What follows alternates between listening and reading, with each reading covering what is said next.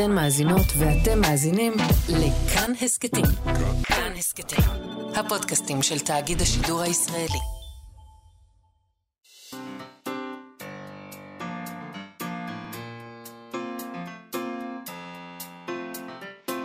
מה שכרוך עם יובל אביבי ומה יעשה לה.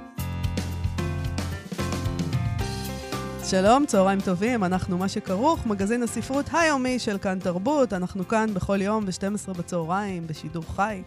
אתם מאזינים לנו ב-104.9 או ב-105.3 FM. אפשר גם להאזין לנו כהסכת באתר ובאפליקציה של כאן ובכל יישומוני ההסכתים. איתנו באולפן, איתי אשת, על ההפקה, על הביצוע הטכני, חן עוז. שלום לכם, שלום יובל אביבי.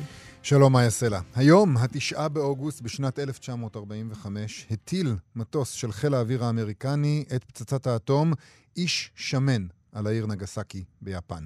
שלושה ימים בדיוק אחרי שהוטלה הפצצה, ילד קטן על הירושימה. איזה חמוד, נתנו לו איזה שמות חמודים כן, כאלה. ילד איש שמן, קטן, ילד שמן. קטן. כן.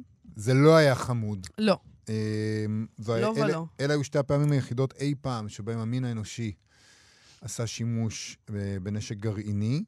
אה, מאז ועד היום לא עשו את הטעות הזאת, אם כי לפעמים נדמה שלאנשים מסוימים אה, האצבע רועדת על מגרד, ההדק. מגרד להם. כאילו הם אומרים, כבר עבר המון זמן, בואו נראה, אולי השתפרנו בזה. כן.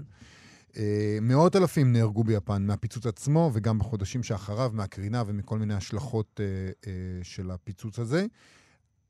אני חושב שבקלות אפשר להגיד שזה בטוח אחת הטראומות הענקיות של יפן, ואני חושב שגם של המין האנושי. טראומה איומה ומזעזעת, שלא למדנו ממנה את הלקח מספיק טוב. בימים אלה, למשל, מוצג בבתי הקולנוע ברחבי העולם הסרט אופנהיימר, שמתאר את העבודה של מדען הגרעין, רוברט אופנהיימר, בפרויקט מנהטן.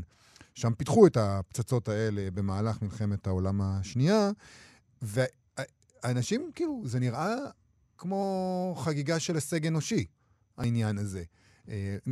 יש בסרט כל כן, מיני לא, גם הסתייגויות. הגאונות. הזאת של כן. האיש הזה, וכל הדבר אבל הזה, זה ממש חוגגים, כן. חוגגים את ההישג הכביר, מהמם, וביפן למשל, הקרנת הסרט נתקל- נתקלת בקשיים, כן. כי מתברר שהיפנים לא כל כך מעוניינים לצפות בסרט שמאדיר את המהלך שהיה הטרגדיה שלהם, וגם במקומות אחרים בעולם, לא רק ביפן, העבירו ביקורת על האופן שבו הפצצה האטומית הופכת לאיזה מין מצרך פופ כזה.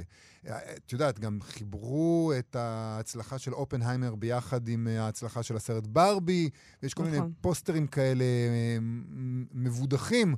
של ברבי וכן נוסעים במכונית הוורודה. כשמאחורה יש את הפטריה של ה... נכון. של זה הגרעין. עובר במגרסה הקפיטליסט, הנאו-קפיטליסטית כן. הזאת, והופך להיות טי-שירט בדיוק. בסוף. זה הופך להיות טישרט, כן. הפצצה הגרעינית. ואתה יודע, יש אנשים אה, שלא מתים על זה. ויש אנשים... וזה מאוד מפתיע, זה מאוד ממש מפתיע. מדהים. כן. יש אנשים ביפן שעדיין נושאים עליהם את הצלקות האמיתיות והמטאפוריות, נקרא לזה, של הדבר הזה. ואנחנו היום נקדיש לפצצה את תוכניתנו, לפצצה הגרעינית. מהמם.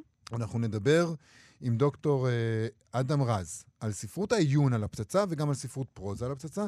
נשאל את עצמנו, אה, האם הפצצה נפוצה בספרות העברית, ואם לא, מדוע? ואולי זה קשור גם לתרבות שלנו. מדוע הנשק הגרעיני, שלפי מקורות אה, זרים יכול להיות לכאורה, שאפילו במרתפים מסוימים ישראלים יש אותו, לכאורה, מדוע אנחנו לא אבל זה מדברים על זה? סודי, אז אנחנו לא מדברים על זה. זה הסוד הכי דפוק שאי פעם אה, היה. אבל זה- אנחנו לא מדברים על הסודות שלנו, את יובל. יודעת, אני, רגע, בסדר, עזבי אנחנו לדבר. לא משתנקרים, נכון? סבבה, אוקיי. אבל מה אומרים על פצצת האטום? מה אומרים? שהיא כוח הרתעה. נכון? אף אחד לא מתעסק עם מדינה שיש לה פצצת אטום. אמת. אז אי אפשר לשמור את זה בסוד. אם זה סוד, אז אף אחד לא, יודע שיש לך את לא זה. הבנת. מי שצריך לדעת, יודע. הבנת? אוקיי. ה- הכל לכאורה. לפי מקורות זרים, אנחנו לא יודעים אם יש לנו מי שצריך. לדעת שיש לנו את נשק מאוד מרתיע, יודע. אבל שסופרים יכתבו על זה עכשיו, לא יודעת. אז, אז אנחנו נשאל את הדברים ראית מה קרה לווענונו כשהוא רצה לכתוב אה, טקסט קצר אה, הייקו על אה, כף היד שלו? כן. יפה. אה, זה בדיוק מה שהוא רצה. הוא פשוט אמר לעצמו, אולי אני אכתוב איזה פרוזה בדיונית. בדיוק. על עניין מסוים, ונראה מה יקרה. אבל בכל מקרה, אדם רז הוא מומחה אה, לנשק הגרעיני, ואנחנו נדבר איתו על זה. אה, אנחנו נדבר גם עם דוקטור רוני שריג. אה, היא, אה, היא מומחית לתרבות יפן ומתעסקת בעיקר בספרות ילדים. ויש שם מחקר מעניין על, על השוואה בין ספרות ילדים יפנית על הפצצה, לעומת ספרות ילדים ישראלית, יהודית, על השואה. על השואה, כן. ומאוד מעניין אותי זה לשמוע מעניין, כן. איך הם הזאת. התמודדו עם הדבר הזה ואיך אנחנו. זה מעניין גם האם דרך ספרות הילדים אפשר לשאול אותה עד כמה, את יודעת, אנחנו, השואה עדיין נוכחת מאוד בחיים שלנו. ספרי ילדים עדיין נכתבים על זה כל הזמן. האם זה ככה גם זה שם? חלק מהאתוס שלנו. אם זה חלק מהאתוס שלהם, של היפנים גם. כן. אה, אבל למרות שאתה יודע, יפן הייתה קיימת לפני, זאת אומרת, אנחנו קמנו, המדינה הזאת הוקמה יש אחרי... הבדלים. יש כאן איזה משהו. טוב, נבדוק. נשאל. גם, גם צריך להגיד אה, מה היה התפקיד של היפנים במלחמת העולם השנייה לפני שנפלה עליהם פצצת האטום, ומה היה התפקיד של היהודים במלחמת העולם השנייה. בהחלט, הדברים נכון. קרו... ב... זה במקביל. יש הרבה הבדלים. כן. טוב, אנחנו מתחילים, אה, אה, למרות התהייה, מה קורה עם זה בספרות העברית, אה, אנחנו נתאר כמה פעמים שהספרות העברית כן התייחסה לפצצת האטום. אנחנו מתחילים עם אמיר גוטפרוין בסיפור שנקרא פצצת האטום, שבו הוא כותב על מחנה מעבר, שבו, כך הוא כותב, עזובה של פליטים, ניצולי מחנות, עקורים, שבויי מלחמה לשעבר, מלחמת העולם השנייה הסתיימה, והמונים נדדו. קהל גדול בדרכו לביתו אי שם, מזרח, מערב. אצלנו חלפו הימים לאיתם. דבר לא נדרש, רק לנוח, לקחת מן המזון, להתחזק. והגיבור שם של הסיפור שלו מתואר... אה, מתאר. מתאר כך. מהמם. ולפתע פתאום ראיתי ממולי את יאנה כץ, סועד מן הארוחה. יאנה כץ? ארוחה? והוא ממש פונה אליי. ברדיו של חיים בריץ אמרו שהאמריקאים זרקו פצצה. מיליון יפנים מתו, אמר בהנאה. התמתח. נדהמתי. מה עושה כאן יאנה כץ? הוא מדבר. ומה עניין היפנים? באוהל כבר דיברו, הסבירו, אי שם הטילו האמריקאים מן האוויר פצצה גדולה על היפנים, ושמה פצצת אטום. כך הסתיימה שם המלחמה. יום או יומיים עסקו במחנה בפצצת האטום. אך מה יש לדבר? מהר מאוד שבו השיחות לעניין הארוחות, חבלי הכביסה, העסקים, אך לא כך יאנה כץ. איש חדש נולד, מלא עסק, מתרוצץ, עסוק בלי הרף בפצצה ההיא, מלקט מן השמועות, מתווכח. ואם לא מיליון, חצי מיליון? ומה, יעשו פצצה יותר גדולה, ורוסים יהרגו, וגרמנים, וצרפתים? עולם חדש! רוח חיים נסחה בו הפצצה, וכאילו כוחות גדולים נסתרים עלו מתוכו, קמו לתחייה. נו, נניח רשע חדש קם, יימח שמו, ומה? פצצה אחת האמריקאים צריכים, ואיננו הרשע, עולמנו החדש. יש גם היום איזה מין פנטזיה כזאת של הרבה אנשים, אגב, לא, לא יודעת אם לפצצת אטום, אבל איזה מין משהו שיכריע את המערכות, נכון? בוא רוח, נחסל את הכל. רוח חיים נסחה בו הפצצה. כן. זה משפט טוב. מהמם. לגוטפרוינד יש אה, אזכור לפצצה בעוד אה, סיפור שלו, טריאסט, שבו הוא כותב על אה, גם ניצול, שככה, בימי הצהריים הוא יושב על כס, ספסלו. כיצד היו חייו אלמלא המלחמה? אמו ואחותו קמות לתחייה מן הבור הספוג, לובשות משי לבן, בד טוב. 50 מיליון בני אדם קמים, לובשים בגדיהם. הוא עצמו מסיים את הגימנסיה בדרוהוביץ', יתום, מיודד עם הורה לציור.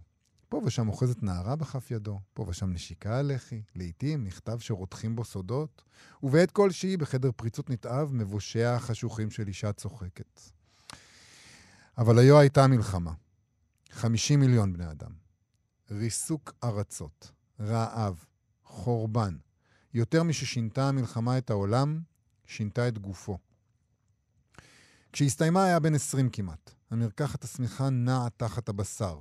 לא היה טעם לשוב אל הבית הישן, הכיכרות, הרחובות, אל אתה הרגת את היהודי שלי, עכשיו אני אהרוג את היהודי שלך. הוא עבר בדרוביץ' מן האשנב שבין שתי החומות, שלף את מה שהספיק ברונו שולץ להחביא. 36 ציוריו, שמן על בד, שמן על קרטון, חבילות חמאה צבועות היטב ולעד. הדרכים הוליכוהו לעיר הזאת, הזהובה, האפלה, למסעדה שלו, לספסלים. לא עלה על דעתו להישאר בה, הכל היה אבל והרוס, מוצף חיילים אמריקנים, פליטים, פושעי שוק שחור. נדמה היה לו כי יעבור הלאה, לערים השמנות הידועות במרכז הארץ. אבל ביושבו על ספסל נתקלו בו חיילים אמריקנים צוהלים. אי שם ביפן הושלכה מן האוויר פצצה שקראו לה פצצת אטום, והיא סיימה את המלחמה בעולם. אחד החיילים תחב שטר כסף לידו וצעק דבר מה. אמריקה! ניצחון! זה סוג מסוים של התייחסות יהודית לפצצה. הפצצה כגאולה, אולי אפשר להגיד. כן? אמ, דבר אחר לגמרי נמצא במחזה מושל יריחו של יוסף מונדי, על סגן אלוף משמש אה, כמושל צבאי שמתעלל בתושבים הערבים. זה מחזה שעורר סערה בישראל, ויש בו את הקטע הבא ש... נמחיז אותו? נמחיז אותו. אני אהיה- המושל. אני אהיה החיילת. אתה תהיה החיילת. אני רוצה רק להגיד שמצאנו את המחזה הזה בפרויקט בן יהודה, ששוב כן. ושוב, פשוט, אה, בלעדיו מה היינו עושים? נכון. פרויקט בן יהודה שכולל מלא מלא טקסטים. אז, ברשת. אה, אז אני מושל ואתה חיילת? יופי. בסדר. זה, נדמה לי שזה די הולם את אה, משחק התפקידים. אוקיי. זה טירוף, ממש טירוף. כל הזמן מחבלים, ואי אפשר להשמיד אותם, והמצב הזה לנצח לא ייגמר. אני לא מבין מה רע להם כאן כשהם חיים איתנו. מה רע להם? אבל ברור שהם שונאים אותנו. האמת היא שהם צודקים. מה? אנחנו יושבים על האדמות שלהם וטוענים שמבחינה היסטורית הן שלנו. אז מה? כאן שממה. האדמה שייכת לזה המאבד אותה, המפרה אותה. זה שמנצל אותה כראוי, הוא בעלה החוקי. הם מוסלמים ואנחנו יהודים. פעם הם שלטו בנו, עכשיו אנחנו שולטים בהם. הם רוב, אנחנו מיעוט. הם מסתפקים במועט ואנחנו רוצים הכל. להם יש זמן ולנו אין. אז מה אם הם צודקים? אז מה? אה, מה פתאום את מדברת כך? מי החדיר לראשך את הרעיונות האלה? ודאי הסכיזואיד. כבר התעניינתי אודותיו, קיבלתי דוח מפורט. בשביל זה יש לנו ש"ב. הטירוף הזה שלו זאת העמדת פנים. הוא כנראה שמאלני קיצוני. היה בחו"ל וספג שם רעיונות. לא אתפלא שאיש זה יהיה בוגד ויהיה מוכן למכור את ארצו למען אמונתו הפוליטית. אבל אני אשבור אותו. הוא ביריחו, הוא כאן. צדק? הם לוחמים למען צדק? מה זה צדק? אני יודע מה צפוי לי אם אפול בידם. הם ישמידו את כולנו. טבח יהיה. טבח נוראי. אנשים ירוצו מרחוב לרחוב ולא יהיה מקלט, ולא יהיה לאן להסתתר או לברוח. אנחנו סגורים כאן בצבת, בתוך המלקחיים. דם יהיה. דם, דם ועוד פעם דם. לא, לא, לא. לא יהיה עוד פעם גטו ורשה. לא נקפוץ מהחלונות אחוזי להבות. לא נגשש יותר בתעלות ביוב. נחזיר להם, נפוצץ אותם. נפוצץ את כל כדור הארץ. פצצות אטום. שכולם ישלמו את החשבון. כולם. אל תחשב, תחשוב. אני נותן לעצמי פקודה לא לחשוב. זה לא עוזר לי. לא עוזר לי. אני דווקא רוצה לחשוב. לא. אני נותן גם לך פקודה לא לחשוב. את יודעת, החשש שלי הוא שקבוצת מחבלים יכולה להשתלט על המפקדה שלנו בשעה שנשיא רומניה יבקר כאן ויצמידו לגופותינו חומרי חבלה. מה יקרה אז? מה יקרה? האם ייתנו פקודה להתפרץ בכוח לתוך המפקדה? פירוש הדבר שנמות, ואני לא רוצה למות. ואני לא רוצה למות. וכשנהיה בקבר הם יגידו שהביצוע היה מושלם, אבל ביצוע מושלם זה יהיה על בשרי.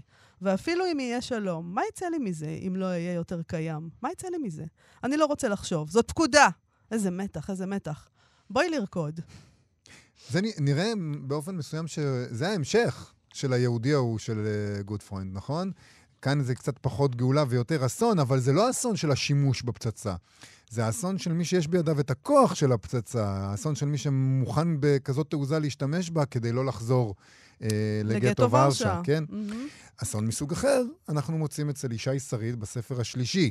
Uh, בספר הזה, על חורבות ישראל שנפגעה מפצצות אטום, מוקם בית המקדש השלישי, וככה הוא מתאר את האסון שקרה לנו בעתיד. הפצצה הראשונה נפלה על העיר חיפה ומחקה אותה. והבעירה את בתי הזיקוק שהתלקחו ככדור אש עד לפאתי צפון. השנייה נחתה על תל אביב שתי דקות אחר כך, 100 מטר מבניין המטה הכללי. כי ארובות ממרום נפתחו וירעשו מוסדי הארץ. רועה התרועעה הארץ, פור התפוררה הארץ, מות התמוטטה הארץ. נוע תנוע ארץ כשיכור והתנודדה כמלונה, וכבד עליה פשעה ונפלה, ולא תוסיף קום. העמלקים השתוללו משמחה, יום חגם הגדול הגיע. הם חסמו את הכבישים ורצחו יהודים שעברו בדרכים בסכינים ובפטישים ובידיים חשופות, עקרו עיני עוללים ותלשו עוברים מרחמי אמותיהם, פשוטו כמשמעו. האידוי היכה בערי החוף כמכת ברק, והן הפכו באחת לאודים עשנים. בערים היה הטבח רטוב וחם ועקוב מדם. גם ביישובנו הקטן במדבר, שהיה רחוק מזירות אלה, הכניסו את הילדים במהירות למבנה מוגן והפקידו עליו שמירה. קשה. מאוד קשה. עוד מעט אה, נדבר עם אדם רז, נדבר גם על העניין הזה שנקרא המכה השנייה. כלומר, מה שאנחנו מתכננים להם, אם הם... אה, כל, ה, כל, ה, כל הקונספט הזה שעומד מאחורי הגרעין. אה, זה, זה מדהים, ולאדם רז הוא לא רק קרא על זה, הוא גם כתב על זה, אז אנחנו אה, נדבר איתו על זה.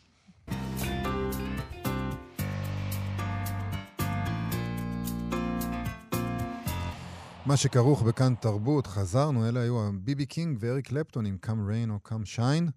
Uh, מעניין מה זה אומר. רק Come Rain או Come Shine. זה קשור זה לפצצה? אומר שאנחנו מדברים על נושא איום ונורא, ואמרתי, רציתי להזכיר לציבור שיש גם אהבה בסדר? בעולם. לא, אה. רק שיש גם אהבה בעולם. לא, זה לא. בקטע של אופטימיות? לא, לא יודעת אם זה... אני לא יודעת אם יהיה בסדר. מי אופטימיות? אבל יש אנחנו- אהבה, יש אהבה. בינתיים. אבל יש גם פצצה. מהמם. יש פצצה, עליה אנחנו מדברים היום, פצצת האטום, אה, שהיום ב-1945 נפלה על נגסקי. ככה כותב על זה אדם רז. עמוס, בני הצעיר, פוחד מן הפצצה האטומית. אני מבין אותו. כרבים אחרים הוא שומע וקורא על פרויקט הגרעין האיראני המככב בחדשות מארצנו מזה שנים ארוכות. במובן הזה, עמוס הוא קורבן של הפצצה. הסיוטים שלו הם סיוטיה של החברה כולה. זה שובר את ליבי. גפן בתי הבכורה ועמוס הם קורבנות העידן האטומי. פחדיהם הם תוצאה ישירה של חיים בעולם בו מצויות אלפי פצצות משמידות קול המוכנות לשיגור בלחיצת כפתור. על הפצצות האלה, חשוב תמיד לזכור, שולטים מספר מצומצם מאוד של מקבלי החלטות, והם מכריעים על פיתוחן, הצבתן והפעלתן. באחד מספריי הוא כותב, כיניתי מציאות זו במושג הבנאלי דמוקרטיה גרעינית. שזה מסוג הדברים, דמוקרטיה גרעינית, זה מסוג הדברים שאתה אומר לעצמך שאורוול היה יכול לשים באיזה ספר שלו. כן. ספר ספציפי, אני חושב עליו. אה, בכל מקרה, ההיסטוריון דוקטור אדם רז כותב את הדברים האלה בפתח הדבר של פולחן הפצצה. זה, זה מעין ניסיון פרוזאי לכתוב 24 תמונות, מחזות קצרים על ההרהורים שלו, על פצצת האטום, מה יכול לקרות, כל מיני דבר, תרחישים שיכולים לקרות אחרי שהוא כבר עשה אה, את אותו מהלך בספרי העיון, ספרי מחקר שהוא כתב, המאבק על הפצצה ומשטר היד הקשה. אז בואו נדבר עכשיו על המופעים האלה של פצצת האטום בספרות העיון, בפרוזה, בתרבות ובחברה הישראלית. שלום, אדם רז. שלום חברים. אז uh, קודם כל, אני רוצה לשאול אותך, את אופנהיימר כבר ראית? אדם כמוך, אתה היית בהקרנה הראשונה? בצילומים הוא היה. ראיתי, ראיתי בהחלט, ויצאתי יצאתי מאוד מאוד אה, אה, מאוכזב. למה? כהיסטוריון, לא כקולנוען. למה? היסטוריון. אה, מכיוון שעל אף שבסרט אה, זרועים הרהורים בסוגיות מוסריות כאלו ואחרות, אני חשבתי ש...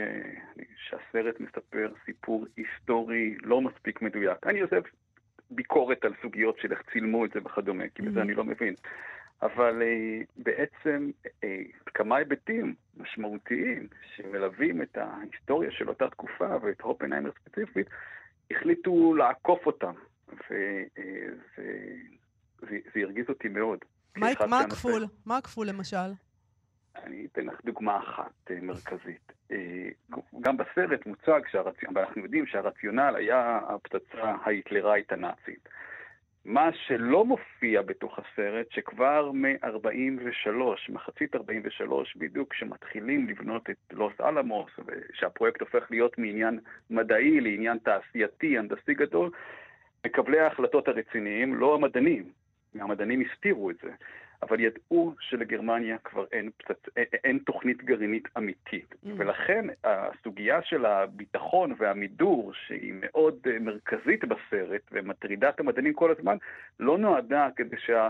שכל מיני סוציאליסטים או קומוניסטים אה, אה, ירכלו על הפרויקט, אלא כי חששו שהמדענים ידעו את האמת. הפצצה מלכתחילה שעברה לעניין, ל- לאיתור תעשייתי, לא כוונה נגד הגרמנים, אלא היא כוונה, וזה בסוף של הסרט מופיע באיזה משפט כזה, היא לא הייתה הצעד המסיים של מלחמת העולם השנייה, היא הייתה הצעד הראשון של המלחמה הקרה. וזה עניין אחד שאני חושב הוא חלק מהפולקלור האמריקאי. אם אני אגיד לכם על זה עוד מילה וחצי, במשך שנים היה ויכוח האם הפצצה קיצרה את המלחמה, כי היפנים נכנעו והיא חסכה חיי, חיים של חיילים אמריקאים. במשך שנים היה על זה ויכוח, והיום חלק גדול מה, מהספרות, מהציבור, נגיד את זה ככה, קיבל את התזה הזאת, שבעצם זה משהו שמכרו להמונים. נכון. הפצצה לא הייתה נחוצה. הסרט כבר, הוא כבר השלב החדש של הפרופוגנדה האמריקאית. כלומר, כבר לא צריך לעשות סרטים ולכתוב האם היא קיצרה את המלחמה, האם היא חסכה חיים של חיילים אמריקאים, כי ככה לא נפלוש וכדומה. אלא היא מהווה שלב חדש בפרופוגנדה, וזה בעצם להסתיר את כך שהפרויקט הזה מלכתחילה, ברגע שהוא הפך להיות עניין גדול כזה, אה, כוון נגד הסובייטים. והמערכת יחסים שם שמוצגת בין אופנהיימר והגנרל גרובס וזה, נותנת לזה, זה, זה סרט הזה, כזה משעשע, יותר ככה, פחות אחרת, אבל, אבל זה חתיכת דבר, שהמדענים גילו ששיקרו להם. תשמע, הדבר הזה מאוד קשור לאחת התמונות בספר שלך, לאחד מהתרגילים המחשבתיים האלה שאתה עושה בספר בפולחן הפצצה, שבו סטודנטים מתווכחים עם אה, פרופסור לגבי מאזן האימה הזה, הטענה שבעצם, זו הטענה כמעט... אבסורדית, גרוטסקית אולי אפילו, שאתה טוען שם uh, בתמונה הזאת, שככל שיש יותר פצצות אטום, ככה היציבות השלטונית יותר חזקה. כי כל אחד כל כך מפחד אה, מפצצות אטום של האחר, זה בעצם מה שאתה אומר, נכון? הסובייטים יגיעו לזה בשלב מסוים, האמריקאים יגיעו לזה בשלב מסוים, איך דואגים שאף אחד מהם לא יעז לזרוק אותה? אז שלנו, שלא יהיה לנו אחת או שתיים, שיהיו לנו 60 אלף, ואז הם ידעו שנוכל להחזיר להם, לא משנה מה יקרה לנו. כן, העידן הגרעיני הוא עידן מוטרף לחלוטין. אני חושב שהקראת את הקטע שכתבתי על ילדיי, אפילו התרגשתי. Mm. כי, כי הרעיון הזה, תראו, בשביל להשמיד את כדור הארץ צריך 200-300 אה, פצצות.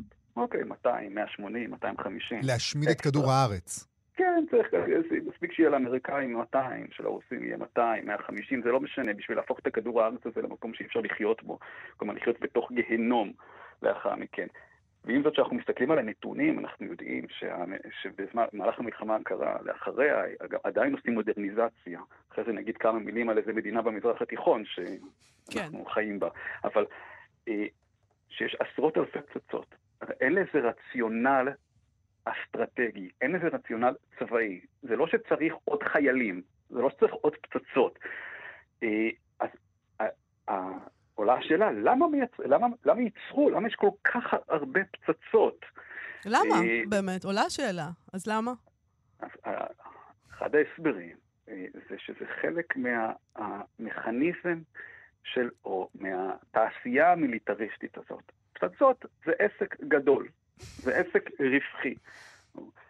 והייצור של הפצצות הפך להיות גם בארץ הקודש, בתוך, כמדינה בתוך מדינה. הפרויקט הזה, מכיוון שזה זה, זה, זה הפרויקטים הכי גדולים והכי יקרים. גם בישראל, הפרויקט של דימונה, על כל מה שהארסנל הזה דורש, הפרויקט הזה דורש, היה הפרויקט היקר ביותר שמדינת ישראל הקימה. אבל זה באמת מטורף. אז זה ביזנס פשוט. אבל זה באמת מטורף ש-200 יכולות להשמיד את העולם, אבל יש לנו 60 אלף כאלה. זה פסיכוטי. בשנת, תראו, הפצצות שפיצצו בירושימה ונגסקי זה פיסטוקים, לעומת מה שיש. כבר, כבר שנים לאחר מכן פיתחו את הפצצות מימן, נושא שגם עולה בסרט אופנהיימר, ועם הזמן פיצצו פצצות כל כך גדולות, שהפצצה הגדולה ביותר ש, שייצרו זה הצער בומבה, ש... ופצצה סובייטית, ואחרי זה בנו עוד אחת, אבל לא פצצו אותה, כי הבינו שאם יפצצו אותה לא יישאר חלון אחד עומד באירופה. כלומר, היכולת לשלוט בכוח ההרס הזה הפך להיות מנותק. כלומר, הייצור שלו והשליטה, שלו, והשליטה, מי מקבל עליו את ההחלטות, והפיקוח הפך להיות מנותק מה, מה, מהחברה בכלל. ולכן העניין הזה של דמוקרטיה גרעינית הוא כל כך קריטי. אנחנו יוצאים לרחובות אה, אה, כבר חודשים כי אנחנו אה, חוששים יותר מי פחות, אך באמת לאופייה של מדינתנו, של החברה שלנו וכדומה.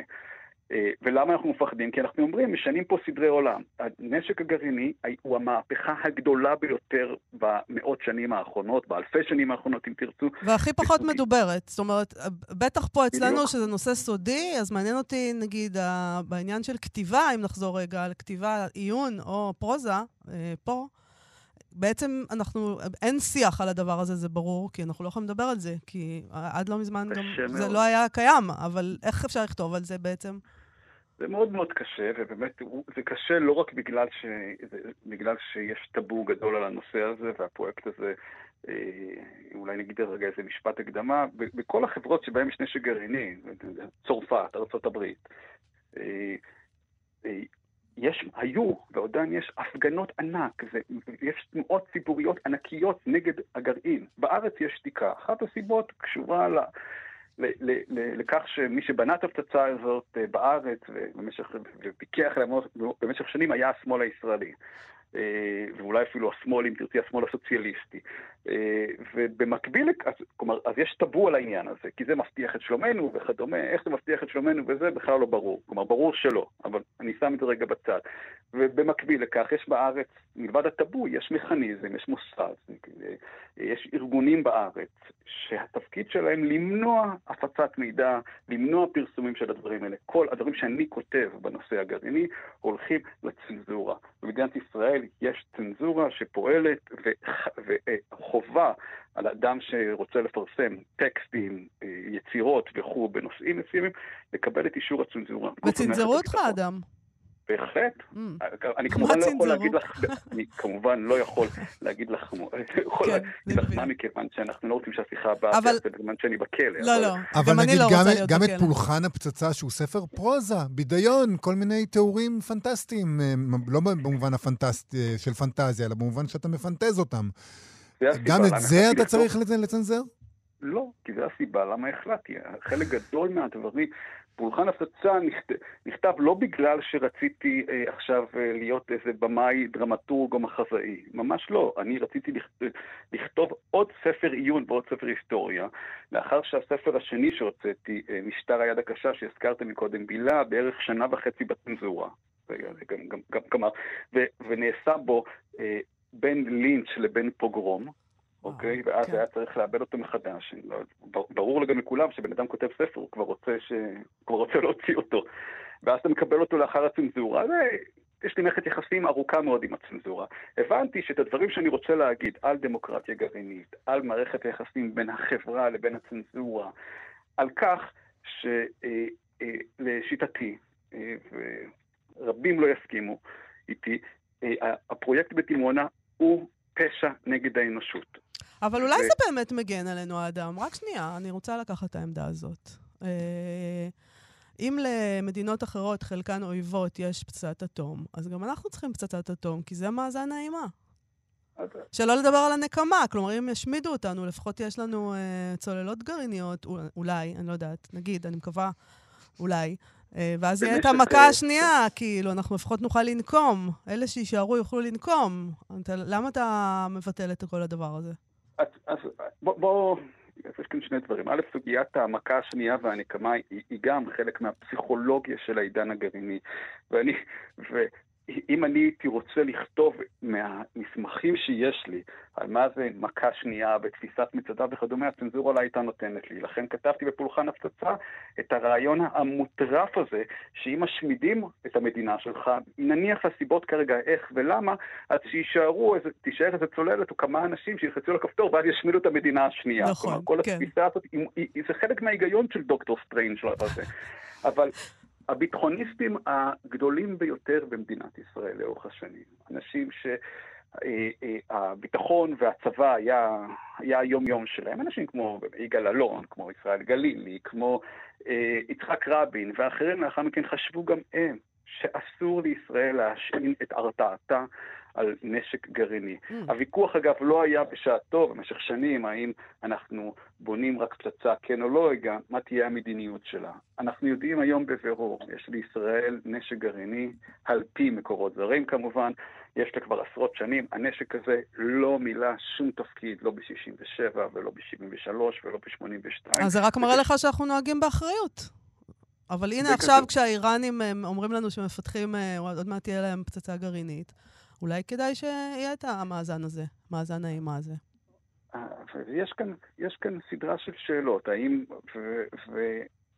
כלומר, שאלה רוצים לענות על זה בצורה היסטורית. בנו את הפצצה בסוף שנות ה-50, תחילת שנות ה-60. אף אחד לא חשב על, על איראן. הסוגיות שאני חושב שצריך לדבר עליהן היא לא האם עכשיו סוגרים את דימונה כן או לא, מכיוון שלצערי הרב לא לאף אחד מאיתנו, ונראה לי ממאזיננו, אין את הכפתור שעושה את זה. כן. אבל כן אני מבקש להפנות את הדיון למשמעויות של חיים בחברה שיש בה נשק גרעיני. עלות הפרויקט, מי מפקח עליו? Mm. מי מקבל את ההחלטות עליו? על הסוגיה המשמעותית, הרת הגורל ביותר, וכמובן, אנחנו מדברים כאן על, על, על, אנחנו מדברים כאן על הנשק האולטימטיבי, נכון? על הדבר הזה מקבלים החלטות בין בן אדם אחד לשניים, אוקיי? מי זה? מי זה האנשים האלה? זה מרגיש מעט מדי. קודם כל, כמובן שזה ראש הממשלה. כן. אוקיי? אנחנו, בשונה ממדינות אחרות, אנחנו לא יודעים, לא, אין לנו את ה... את המניואל של תהליך קבלת ההחלטות, לצערנו הרב, מכיוון שבישראל יש מדיניות עמומה ואסור לדבר על זה ואין מסמכים וכו' וכו' וכו'. אבל ברור שזה, אה, אה, אם אנחנו עושים copy-paste במקומות אחרים בעולם, אנחנו מבינים שזה ראש הממשלה. עכשיו, בואו תבינו את הסיטואציה ההזויה. בארצות הברית לצורך העניין, אם הנשיא רוצה לשלוח חייל אחד מעבר לגבול של המדינה שלו, הוא צריך אישור של בית הנבחרים. בארץ, כדי לצאת למלחמה, צריך אישור של הקבינט. כן. ויש בזה היגיון. ואילו בארץ או בעולם, כדי להפעיל נשק גרעיני, לא צריך לעשות את הדבר הזה. זה מגיע לכדי טירוף, הסיטואציה הזאת, שבזמן שחקרו את ניקסון בשנות ה-70 על פרשת ווטרגייט, אז הוא אמר, תראו, אני יכול עכשיו לצאת, לבקש מכם עשר דקות הפסקה, הוא אומר את זה לחוקרים. וללחוץ, להרים טלפון וללחוץ על כפתור, ותוך רבע שעה מעכשיו ימותו עשרות מיליוני בני אדם, וזה לא יהיה פשע, כי זה בסמכות שלי, ואתם חוקרים אותי על מכשיר הקלטה. אז זה חלק מהסיטואציה מדהים, שאנחנו חיים בה. מדהים. אני רוצה, אנחנו תכף צריכים לסיים, אבל אני רוצה רגע להחזיר אותנו לספרות. דיברנו על, זה שאת, על העובדה שאתה כתבת ספר אה, בדיוני, כי רצית להגיד דברים שהצנזורה פשוט לא מאפשרת. נשאלת השאלה, מדוע אה, הסופרים שלנו, היוצרים שלנו, לא עושים את אותו דבר. זה הרי נושא כל כך אה, נפלא ונהדר, עתיר משמעויות, אה, ובבידיון מותר הכל. לא עושים את זה כל כך הרבה, אז אולי כאילו, למה הם לא עושים את זה, ו- ואולי כמה דוגמאות למי שכן עשה את זה? כן, בגדול, לאורך השנים הייתה מעט מאוד התייחסות בתחום הפרוזה לנושא הזה. ואם חופרים עמוק, אז, אז כן אפשר, לאורך עשרות השנים, אז כן אפשר למצוא אה, פה את אה, אפרים קישון שכתב על זה אה, מאמר, פנחס שדה שכתב קומיקס בשנות ה-60 על הפצצה. אה, אה, החמישייה הקאמרית עשתה על זה מערכון. היו כל מיני אה, התייחסויות כאלה. רוב ההתייחסויות, אגב, נתן אלתרמן, שאפילו קיבל אה, טור אה, גרנדיוזי בכור בדימונה, שסידרו לו, רוב האנשים שכתבו על זה לאורך השנים היו אה,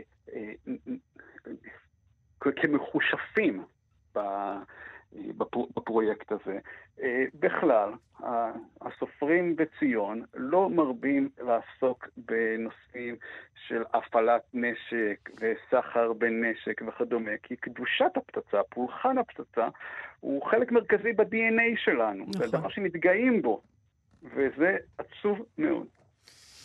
אדם רז, אה, תודה רבה לך על השיחה הזאת. אה, פולחן הפצצה, אם אתם רוצים uh, לקרוא uh, קצת על uh, הדברים האלה שהם בדיוניים לחלוטין, זה נמצא בספר הזה. תודה רבה לך על השיחה הזאת. תודה לכם.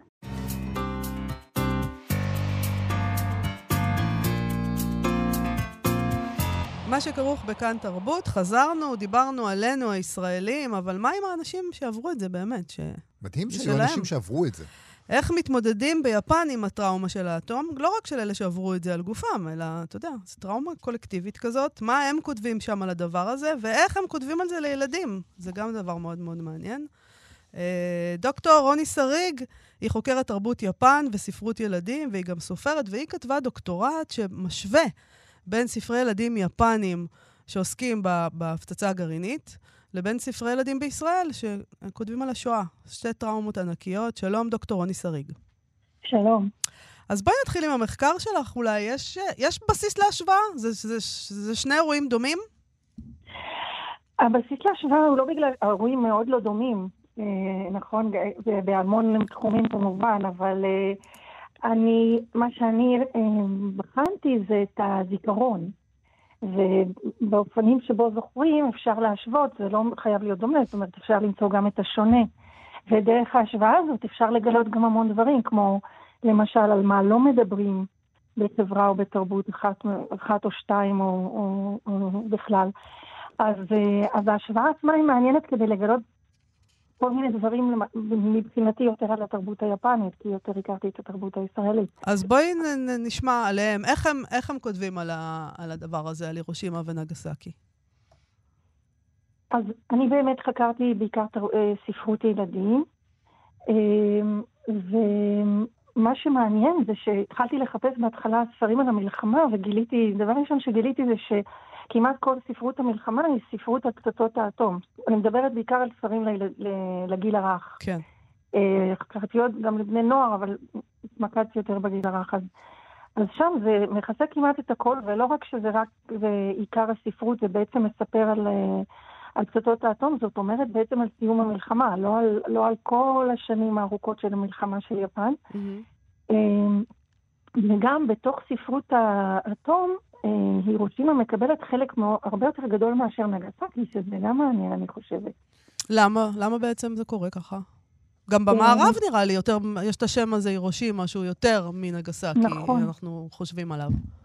לגמרי, אני חושבת שהיא הפכה להיות סמל סמל אה, קודם כל לקורבנות היפנית, וגם לשיח ולכיוון שיפן פנתה אליו מבחינה תרבותית וחברתית של אה, מאבק נגד האטום, מאבק נגד אה, נשק אטומי בעולם בכלל, נגד קורבנות במלחמות, ובהקשר של ספרות ילדים אז מודגש נגד פגיעה בילדים, ושיח ומסר של שלום. שזה גם מאוד מתבטא בחוקה שלהם, אה, אה, שהיא חוקה פציפיסטית, דמוקרטית ופציפיסטית. זאת אומרת שאין להם את העניין הזה של נקמה, למשל? וואו, זה סיפור ממש אה, מורכב, אבל... אוי, שאלה מעולה, אבל גדולה. אבל אני רק אגיד על נגסקי, שאני חושבת שנגסקי קיבלה מקום יותר שולי מרושימה, כי גם באופן אבסורדי היא הייתה השנייה. כן. והיא הרבה יותר... אה, מרוחקת גיאוגרפית, היא בדרום של יפן, בקיושו, והיא מרוחקת גם ממוקדי כוח, וגם הייתה בקהילה, עדיין יש בה, קהילה נוצרית, והנוצרים היו קצת אה, בתפיסה כזאת של גיס חמישי, זה גם מתבטא בספרות נגסקי. מכל מיני סיבות, באמת נגסקי באופן אולי באמת אבסורדי קיבלה ככה איזה קצת אה, משניות לירושימה, ויש חוקר שאומר, זה לא הגיוני בעצם, כי נגסקי זה... הפצצה שהאמריקאים הטילו על נגסקי זה מה שהתחיל את עידן האטום. כי הירושימה עם כל הזוועות היא הייתה אירוע אחד, אבל נגסקי כבר הייתה mm. העידן. אז זה דווקא מעניין, אבל... אמ, בואי בוא נחזור רגע לעניין הזה שמאיה הזכירה, נקמה. אה, איך, איך נראים האמריקאים בספרות הזאת? זהו, נכון, זאת שאלה מאוד סבוכה, ואני באמת, אני בעיקר חקרתי את ספרות הילדים, אבל בכלל בתרבות ובחברה היפנית. למה זה כל כך מסובך? כי דבר ראשון, האמריקאים היו בעל, בעלי הברית, הם היו כובשים, אבל הם הפכו להיות בעלי הברית של יפן. הם גם היו כובשים של יפן אחרי המלחמה כדי לשקם אותה, והם שיקמו אותה, והביאו אותה למצב של נס, הם והיפנים עצמם, למצב של נס כלכלי. ויפן מאוד מאוד רצתה להתנתק מהעבר שלה בהמון מובנים ולהפנות לו עורף. עכשיו, אם היפנים היו אה, מאשימים, נגיד, או דורשים אחריות אה, מוצהרת מהאמריקאים, הם היו גם צריכים לקחת הרבה מאוד אחריות על כל פשעי המלחמה שלהם, הפשעים נגד האנושות, כל מה שהם עשו, כל מעשי האחריות שהם עשו בעיקר באסיה. כן. והם עשו, והם עשו כל כך הרבה דברים, והם הם, הם, הם, הם לא, הם לא, הם, לא, הם די הפיקו את זה. זה, זה מה שבעצם גם עלה מספרות הילדים שאני חקרתי, איך, למה ספרות הילדים היא בעיקרה על הירושימה ונגסקי? לדוגמה, גם טוקיו נחרבה אה, כולה במלחמה, לא בפצצה אחת, אבל באלפי פצצות שהושלכו אליה במרץ 45, ועוד המון ערים.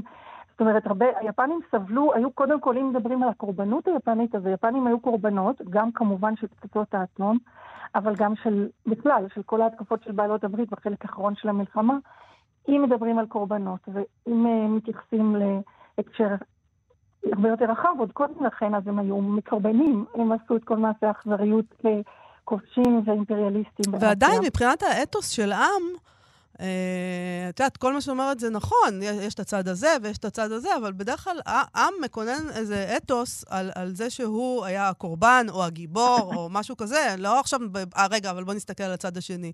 זאת אומרת, יש פה ממש... בואו נפתח את המיתוס שאנחנו הנבלים נבלים פה. לא נבלים, אבל uh, יש שני צדדים למטבע, זה אתוס מאוד מפותח.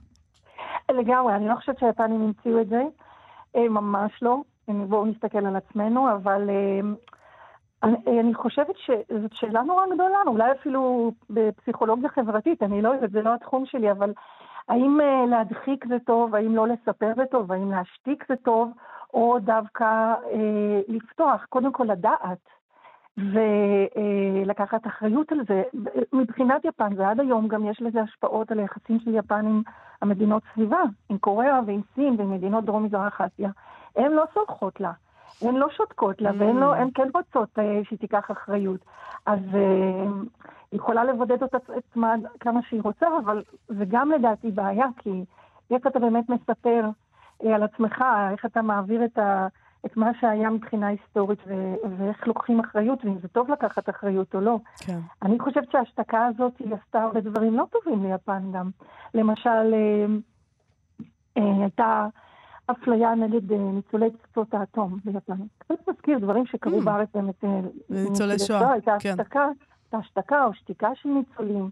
היה חשש, כי, כי היה חשש מהם שהם אה, יעבירו מחלות, ש, שהם לא יכולים לעבוד, שהם לא טובים לחיתון, כל מיני דברים. אז דברים כאלה, עד שהם לא נפתחים, אני חושבת שזה יכול גם לעולל דברים רעים לחברה. יש גם את זה העניין הזה כאילו.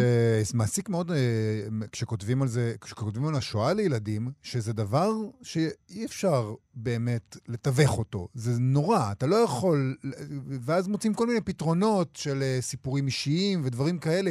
עכשיו, הפצצה זה דבר סופר גרפי, התמונות שאנחנו ראינו משם, איך, איך בכלל מתייחס... זה זוועה איומה ונוראה, איך אה, מטפלים בדבר הזה?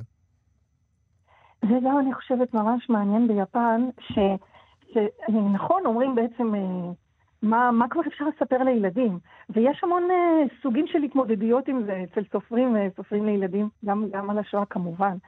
וביפן מה שמעניין זה שזה לא תירוץ, מה שנקרא, בגלל שבאמת מספרים רק על, רק על ירושימה, אבל מספרים, ממש מספרים, ובעיקר, כמו שאתה אומר, זה אה, חושף את הזוועות דרך האיורים. זה מאוד מאוד חושפני, מה שמראים לילדים ממש צעירים, גם לפני גיל בית ספר, באיורים של הספרים האלה, אה, על, על כל הנורא שקרה, על האש האיומה ועל אנשים שקופצים למים, ואימהות שמאבדות תינוקות, ותינוקות שמאבדים אימהות, וכל הדברים האלה מאוד גרפיים, גם לילדים ממש קטנים. זה אה, אולי הבדל תרבותי, נגיד בספרות על השואה לגיל הרך, או אין, אין את זה. תמונות, זה, זה מאוד סמלי. הם לא מרחמים על ילדי הגן, אני מבינה. כן, נגיד בספרות שואה אני חושבת שמהעירים יגיעו עד שערי מחנות הריכוז במקסימום כזה, או ישתמשו בהמון סמלים. אנחנו אה, צריכים עוד מעט לסיים. אנחנו צריכים עוד מעט לסיים, אבל אני חייב לשאול אותך שאלה כללית יותר. כשמסתכלים על הספרות, נגיד, גם ממה שאת מכירה, ספרות מבוגרים, ספרות ילדים, אנחנו, השואה, נראה שזה לנצח יהיה הדבר שמעסיק אותנו ומכונן אותנו. זה נרטיב סופר סופר חשוב בזהות הישראלית. זה ככה גם ביפן עבור, ה, עבור הפצצה? כשאת מסתכלת נגיד על הספרות אה, למבוגרים, ספרות לילדים, ובכלל על החברה שם. יש דברים שמעלים את זה, אני חושבת שזה זה כן, כמו שאמרתם, זה טראומה קולקטיבית, זה לא משהו שנמחק בתוך החברה היפנית, ויש דברים שמציפים את זה, למשל האסון שהיה ב-2011, רעידת אדמה, אבל שפגעה בפוקושימה גם בין היתר, כן. אה, פגעה בכור האטומי, ו- והציף, אני חושבת, גם סוגים של חרדות, ולפחות זיכרונות או התייחסויות למה שהיה בפצצות האטום. אז אני חושבת שזה ממש דבר שהוא אה, קיים. קשה, זה קצת קשה למדוד את זה, אז אה, אני חושבת אולי זה אפילו יכול להיות בגלים, אבל זה בהחלט לא, זה בהחלט טראומה ענקית, וכמה שהם אה, הפכו להיות אה, ההפך ממה שהם היו, ממדינה אימפריאליסטית, מיליטריסטית, דכאנית למדינה דמוקרטית ופציפיסטית, ועם אה, אה, באמת הצלחה כלכלית פנומנלית, אה, לפחות שנות ה-50-60 אה, והלאה, אז... אה, אי אפשר למחוק את זה, זה, זה היסטוריה, וזה גם לא היסטוריה כל כך רחוקה, יש נכון. עוד אנשים חיים. כן. כן. דוקטור רוני שריג, תודה רבה לך על השיחה הזאת, סופר מעניין ומעורר מחשבה. תודה רבה. תודה רבה לכם, להתראות. להתראות. תודה, להתראות. לסיום התוכנית הזאת, המתרגם, פרופסור יעקב רז, פרופסור אמריטוס בחוג אה, ללימוד מזרח אסיה באוניברסיטת תל אביב, חוקר תרבות יפן, הוא מתרגם של כתבי זן, סופר ומשורר בעצמו. הוא העביר לנו, אה, לבקשתנו, מספר שירי הייקו יפנים על הפצצה, הוא תרגם אותם. למשל, יש פה כמה שירים של שיגמוטו יסו היקו. הולך ככה. יום הירושימה. יש כנראה עצמות אדם מתחת לכביש הסלול. השיר הזה נכלל באיזו אסופה שמדברים על איך אפשר להעביר את הזוועות במספר ההברות המצומצם שמותר לך בהייקו. הנה עוד דוגמה. כן. תמונת ילד קטן, אמו ממלמלת את שמו ביום הירושימה. ועוד אחת. ילד רודף אחרי פרפר, לא רואה את הפצצה. יש עוד שיר אחד אה, של צ'ן או ליו. פארק השלום הירושימה, כאילו היו חלום כל הקורבנות. ושיר אחרון, הייקו אחרון שהוא שלח לנו, אה, פרופסור יעקב רז, הולך ככה: בוקר אוגוסט, ילד קטן נפל משמיים. זהו, עם הדברים האלה אנחנו מסיימים את התוכנית הזאת על הפצצה האטומית.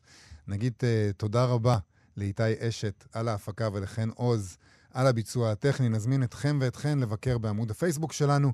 מחר יום חמישי, נכון? אני לא טועה. אתה לא טועה. אז uh, יהיה לנו את המיטב של השבוע אמת. מחר. להתראות. להתראות. אתם מאזינים לכאן הסכתים, הפודקאסטים של תאגיד השידור הישראלי.